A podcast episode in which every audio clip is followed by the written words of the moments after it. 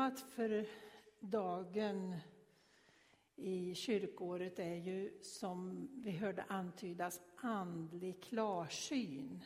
Andlig klarsyn. Och eh, episteltexten har ni hört av Maria ifrån första Korintierbrevet. Och jag ska läsa för er evangelietexten för den här söndagen som inte är helt obekant. Den handlar om att bygga hus. Och då läser vi från Bergspredikan, Matteus 7 och 22 till 29. Matteus 7 och 22 till 29. På den dagen skall många säga till mig, Herre, Herre, har vi inte profeterat i ditt namn och drivit ut demoner i ditt namn och gjort många underverk i ditt namn? Då ska jag säga dem som det är, jag känner er inte. Försvinn härifrån, ni ondskans hantlangare. Den som hör dessa mina ord och handlar efter dem är som en klok man som byggde sitt hus på berggrund. Regnet öste ner, floden kom, vindarna blåste och kastade sig mot huset, men det rasade inte eftersom det var byggt på berggrund. Och den som hör dessa mina ord men inte handlar efter dem är som en dåre som byggde sitt hus på sand. Regnet öste ner, floden kom, vindarna blåste och störtade sig mot hans hus och det rasade och raset blev stort. Herre, vi ber att du ska öppna våra ögon och våra hjärtan för vad du har att säga till oss genom det här ordet. Herre, tack för att ditt ord är mat för vår själ. Ibland är det gott som balsam, ibland är det renande och skärande. Herre, jag tackar dig för att du arbetar med våra liv. I Jesu namn. Amen. Ja, som en del av er vet då så är ju jag ofta ute och cyklar. Kanske både bildligt och fysiskt, men nu tänkte jag mest på då det här bokstavliga fysiska, att jag är ute och cyklar. Och då skulle ju jag vilja att Lasse i Bullerbyn hade lyckats med det han ville, nämligen att hitta, uppfinna en maskin som gjorde alla uppförsbackar till nedförsbackar alltid, eller hur? Det vore väl smidigt. Men så vitt jag vet så har inte Lasse i Bullerbyn lyckats med detta. Så ibland så är det uppför. Och det är uppför ganska ofta på Kolland i alla fall. Först går det nerför och då är det inget hus och så är det inget hus och så är det inget hus och så går det uppför och då är det ett hus där. Och så går det nerför. Ja, och så var jag ute och långcyklade. Jag måste ju få skryta lite också. Jag cyklade till Hönö. Och nedanför, Nosse... och nedanför Nossebro, där, ligger, där cyklade jag upp och upp och upp och upp. Och då kom jag till Gendalen, heter det. Och när jag hade kommit förbi Gräfsnäs och ner mot Skepplanda, då var det verkligen upp och upp och upp. Och vet ni vad det hette då när jag kom dit? Då låg det ett hus. Man visste att så fort som det gick uppför så var man på väg till ett hus. Det hette Hålan. Det brukar jag tro att det är långt ner, men det är tydligen långt upp då. Eh, ja, som ni hör så har jag grunnat på den här texten då när jag satt och cyklade. Bygg inte hus på grus och sand, utan bygg på ett berg. Det tycks vara så att 1800-talets och 1900-talets byggmästare har läst Matteus 7. Kanske dock inte 2000-talets människor, för nu ska vi bygga ute i Vänern, eller hur? Eh, vi bygger stora städer som Los Angeles på förkastningssprickor där vi vet att det blir jordbävning förr eller senare. Eller det kanske är San Francisco. Nu kommer jag på att jag har nog fel. San Francisco är det väl som ligger på, på en förkastningsspricka. Japan hade byggt långt utöver sina marginaler och det rasade. vi tar saken i egna händer och tror att vi kan göra hur vi vill. Eh, men barnen vet att man kan inte göra så, för de har sjungit i söndagsskolan. Bygg inte hus på sandig strand. Bygg inte hus på grus. Kanske verkar det okej, okay, men en dag du ångrar dig. Du måste bygga huset en gång till. Du måste bygga huset på ett berg, på en stadig grund som inte rubbar sig. Och när stormen piskar på har du frid i huset ändå. Men när vi blir lite äldre så tror vi att vi blir så kloka så vi kan gå emot lagarna och bygga var vi vill. Eh, och vi tror att vi kan trotsa alla typer av lagar. Att vi kan skövla och plocka ut allt ur jorden utan att ge det tillbaka. Vi sticker huvudet i sanden och tror att går det så går det. Jag tror att den här texten säger något också om detta. Texten idag säger nog ändå något mer. Vi har ju temat andlig klarsyn. Ehm, och tänkte ni på att den börjar med hör och handla? Eller hör och gör kan vi förenkla det till, för det är lättare att komma ihåg. Hör och gör. Alltså inte göra och sen höra, utan höra och göra. Vara lyhörd inför Herren, vad han har att säga i Guds ord och mellan raderna i Guds ord när Guds ande vill tala till oss. Och så är då temat andlig klarsyn och egentligen tänker jag som så här att när jag läser den här texten så tänkte jag första gången så är det ju sunt bondförnuft, eller hur? Det är sånt som vanlig vettig människa har förstått då på 1800 och 1900-talet hur man skulle göra. Eh, men hänger det ihop då? Finns det någonting som hänger ihop med det där sunda bondförnuftet och den där andliga klarsynen? Vad är egentligen andlig klarsyn? Och jag tänkte hålla upp här en minut så får ni tänka efter själva. Vad är andlig klarsyn.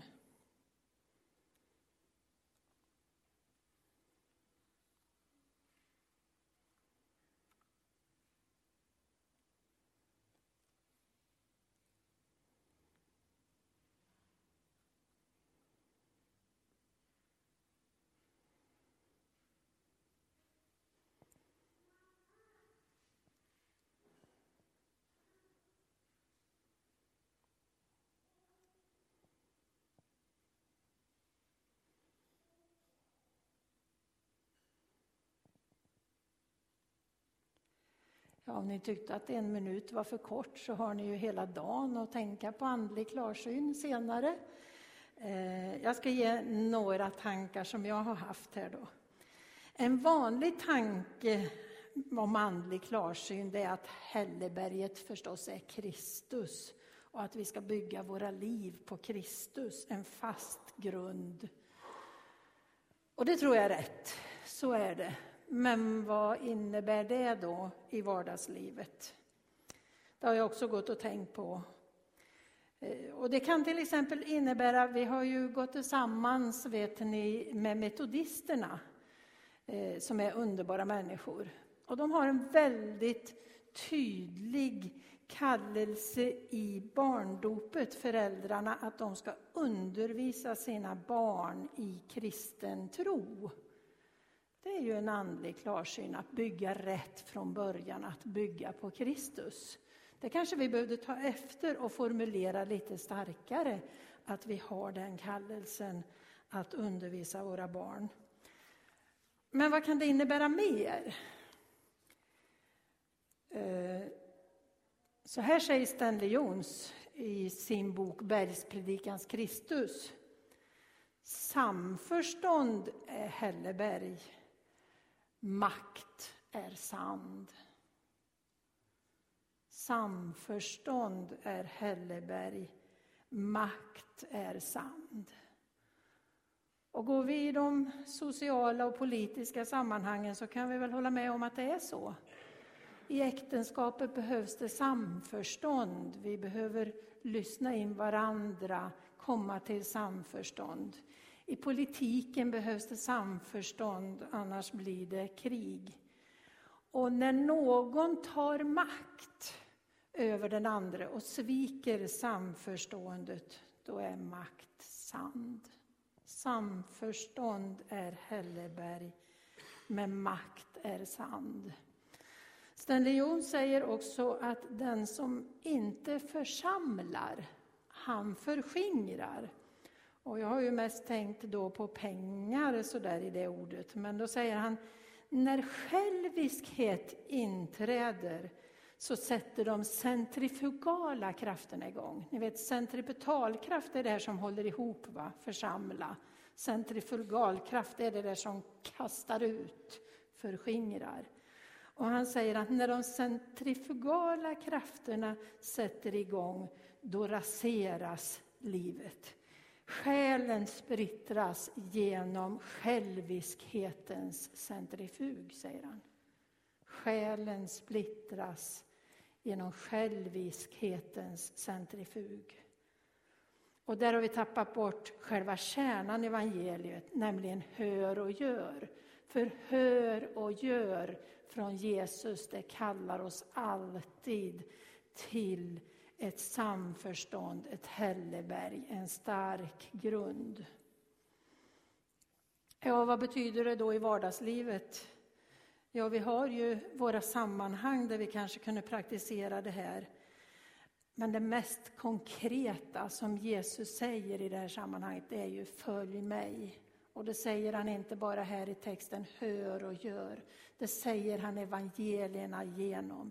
Följ mig. Hör och gör som jag gjorde. Och han byggde sitt hus, han var huset på Hälleberg. Att höra och göra är efterföljelse. Följ mig, säger han. Eh, och det var ju inte ens bara från Jesu tid som de här lagarna gällde. Det börjar ju redan i första Moseboken. Eh, det var ju meningen att Adam och Eva skulle höra och göra som Gud sa. Men de gjorde tvärtom. Han sa, ta inte av kunskapens träd. Och de gjorde det. De ville göra sig oberoende av Gud. Man ville göra som man ville. Man ville inte lyssna och göra, utan man ville göra på sitt eget sätt. Redan där började och de blev utkastade ur paradiset som ni vet och än så är vi inte tillbaka i paradiset. Det fortsatte, om vi ska ta några nedslag i Gamla testamentet, i eh, nästa generation. Kain sa, ska jag ta vara på min broder, sa han. Och det slutade i historiens första brodermord. Oberoende, inte lyssna till vad Herren sa att vi skulle ta hand om varandra, utan han ville vara oberoende, göra som han ville. Och det gick fel. Makt är sand. Under Noas tid så står det att människorna var fulla av så fulla av egoism att Gud faktiskt ångrade att han hade gjort människan. Så illa var det. Alla gick på makters hand och inte på samförstånd där Hälleberg. Centrifugalkrafterna raserade och själviskhetens centrifug snurrade. Och det slutade med att Gud fick gripa in i historien. Ni vet arkens berättelse ett fåtal räddades genom arken, genom Guds ingripande i tillvaron. Och ska vi göra ett nedslag så där mitten på Gamla testamentets historia så har vi ju den fantastiske kungen David som gjorde så många goda saker, som gjorde så många bra saker och som vi har så många underbara salmer ifrån. Men rätt vad det var i hans liv dök också viljan att göra sig oberoende av de lagar som gällde upp. Och han fick syn på Batseba, denna vackra kvinna. Och han, skick, han tog henne till sig. Hon var gift med en annan man, men han tog henne och gjorde henne till sin. Och inte nog med det, han skickade ut Batsebas man på första frontlinjen i kriget så att han skulle dö, och det gjorde han. Och sen hade han den tjusiga Batseba och trodde att allt var väl. Men då kommer Natan till honom och berättar en berättelse om att hur hemsk någon har varit. Och förstod inte först att Natan talade om honom själv, hur hemsk han har varit. Och då dömde David den där mannen i historien. Ni kan gå hem och läsa det här i Samuelsboken. Alltså dömde David sig själv. I förtvivlan upptäckte han att han hade gjort det som alla andra gjorde. Han hade låtit makten och själviskheten blomma fram. Och han ångrade sig djupt, det kan vi läsa i psalm 32. I förtvivlan böjde han sig inför Gud och ångrade sig. Och då står det, då förlät du min syns missgärning. Så det finns möjlighet till upprättelse i Guds sammanhang. Ja, jag har sagt att de har gjort sig oberoende, alla de här i Gamla testamentet. Och synd är i en mening att just göra sig oberoende av Gud. Vi talade förut om att göra sig oberoende av de fysiska lagarna. Berg, sand, förkastningsbrickor, allt det här. Och det går inte. Men det går inte heller att göra sig oberoende av Gud. Jag tror att det är en andlig lag. Honom kan vi inte göra oss oberoende av. Honom ska vi göra oss beroende av. Och synd är i en mening att göra sig oberoende av Gud, sa Leif Karlsson i bibelstudierna på Hönö i förra veckan, som jag i och för sig också varmt kan rekommendera. Och han sa också att motsatt till detta är att leva i beroende, och det är rättfärdighet. Och sen kommer det en paradox, för lever man i beroende av Kristus, då kan man få uppleva verklig frihet. Det gäller att skaffa sig beroendeskap på rätt ställe. Då kan vi få uppleva verklig frihet. Då blir vi fria från synd. Synd är att klara sig utan Gud. Och det gör vi inte, då går vi under. Och allt för många människor, både i kyrkor och utanför kyrkor, har tagit saken i egna händer och regerat och det har lett till förödelse. I slutet av Gamla testamentets tid var Gud tyst i 300 år från Malaki till Jesus kom när människorna tog saken i egna händer. Och människan har gjort uppror och slagit sönder och förskingrat. Men ständigt har till slut Gud kommit och församlat och åter sagt Hör och gör som jag. Det här tror jag är den andliga klarsynen. Efterföljelse till Kristus. Hör och gör. Följ mig. Liksom husbygget kräver att man böjer sig under naturens lagar så kräver det andliga husbygget att vi följer de andliga lagarna. Det vill säga att vi inte tar saken i egna händer och beter oss som vi inte hade någon Gud. Eller som någon har sagt, det finns somliga som lever och verkar som om de hade Gud i en liten ask och kunde göra vad de ville med honom. Så går det inte till. Följ mig, säger Jesus. Han sa inte jag ska följa med er, men det gör han när vi följer honom.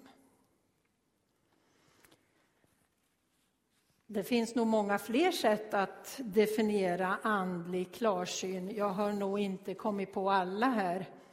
Eh,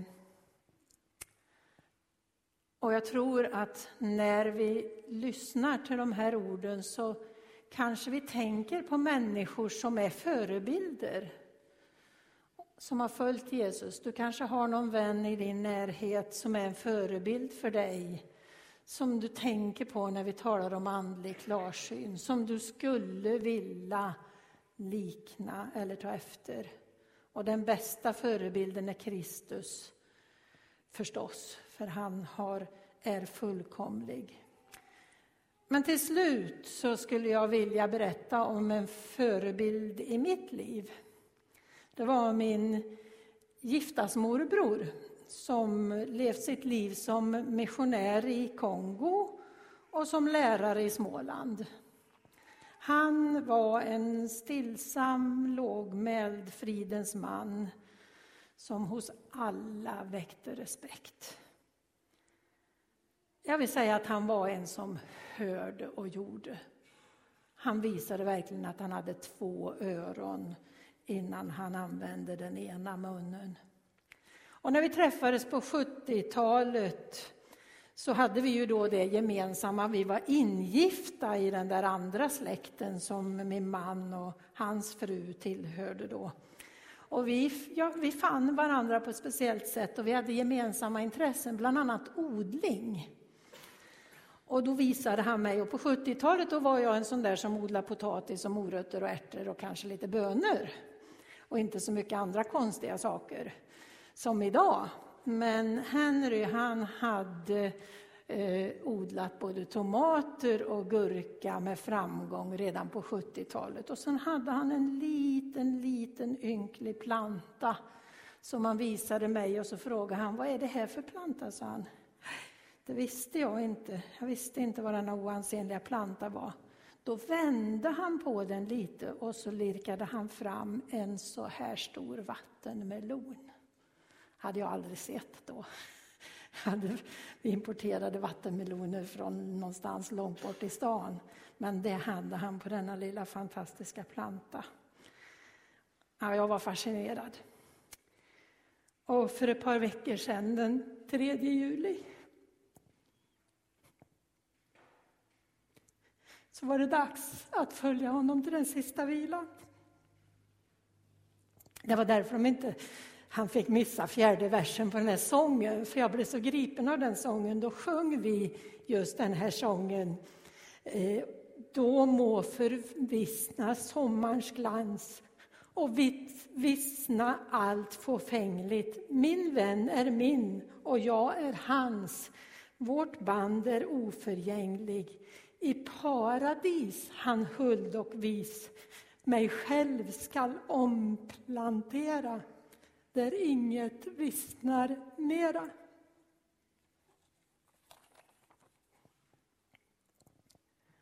Giftasmorbror Henry han följde Jesus. Han hörde och han gjorde. Han var fridsam och försynt.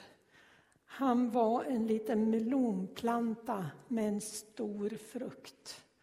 Och nu är han omplanterad i himlen. Gud kallar oss att gå den vägen. Du och jag. Att bygga vårt berg på fast mark. Att följa honom, lyssna in honom. Och till sist en dag ska vi omplanteras i hans rike. Amen.